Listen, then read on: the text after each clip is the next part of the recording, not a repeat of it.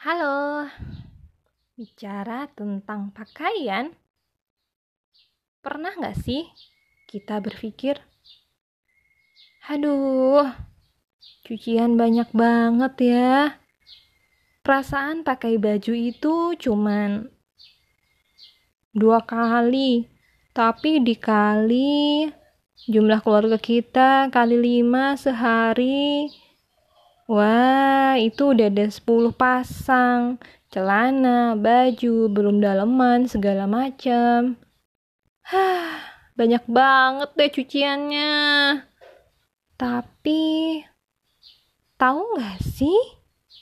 Pakaian itu kapan sih pertama kali dibuat?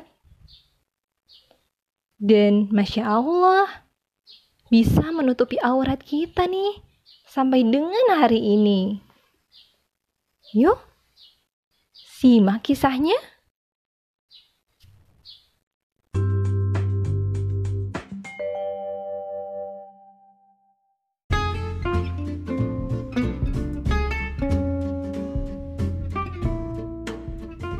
Assalamualaikum Bunda Solihah Bertemu dengan saya kembali di Menjelajah Kehidupan Kali ini kita berkisah tentang pakaian.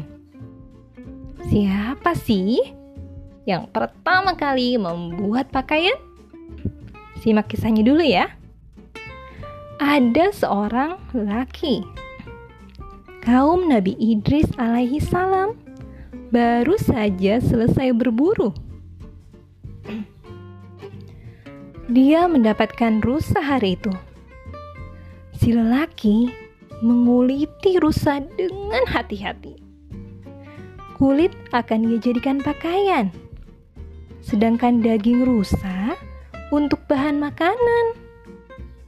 Si lelaki mencuci kulit rusa dan mengeringkannya. Setelah kering, si lelaki menarik-narik kulit agar lentur dan melilitkan ke tubuhnya. Pada masa itu, sebagian besar orang membuat pakaian dari kulit hewan seperti lelaki itu. Keesokan harinya, si lelaki bekerja mengolah lahan untuk ditanami dengan berbagai macam sayur dan buah. Dia menggali tanah, menanam bibit, dan merawat benih yang tumbuh agar menghasilkan sayur dan buah yang bagus. Saat bekerja, ia menggunakan pakaian yang terbuat dari kulit binatang hasil buruannya. Pakaian itu dililitkan ke tubuh. Karena hanya berupa lilitan saja, pakaian itu kurang nyaman saat dipakai bekerja. Dia sering menghentikan pekerjaannya untuk membenahi pakaian yang melorot. Jika pakaian sampai melorot, auratnya akan terlihat. Nabi Idris alaihissalam melihat kejadian itu sehingga berpikir, bagaimana caranya membuat pakaian yang nyaman sehingga tidak merepotkan orang ketika sedang bekerja. Nabi Idris alaihissalam mereka-reka bentuk pakaian yang nyaman untuk dipakai kaumnya. Beliau membuat pola di atas kulit binatang, memotong, dan menyatukan beberapa potongan kulit sehingga jadilah pakaian yang berjahit.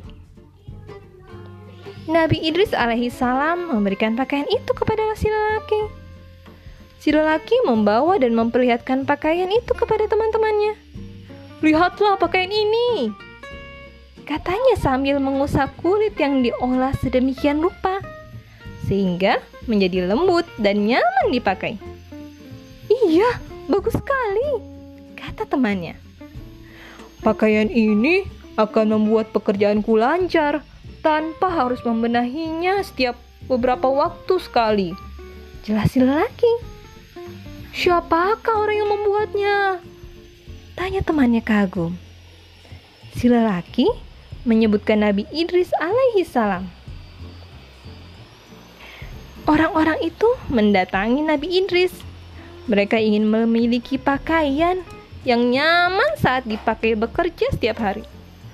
Ajarilah kami membuat pakaian seperti ini, pinta orang-orang itu. Nabi Idris tersenyum. Beliau mengajari kaumnya membuat pakaian dengan senang hati. Mulai dari menyamak kulit, membuat pola, memotongnya, kemudian menyatukannya dengan benang. Nabi Idris mengajarkan semua itu tanpa kenal lelah. Kemauan untuk terus belajar dengan ikhlas itulah yang menjadikan Nabi Idris sebagai manusia pertama yang pintar menjahit baju.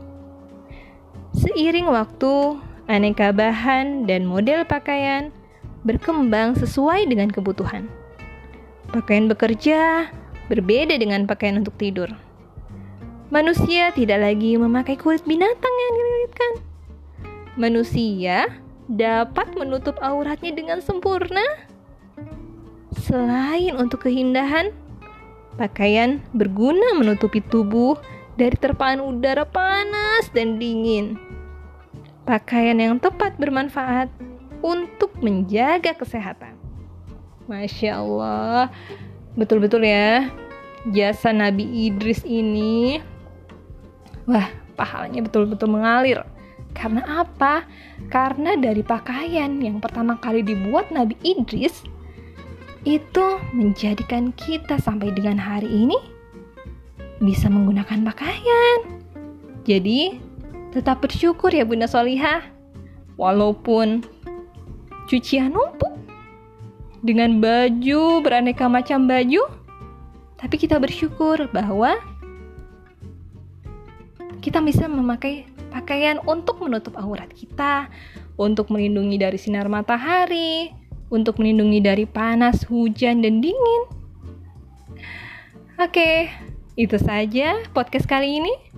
Terima kasih. Wassalamualaikum warahmatullahi wabarakatuh.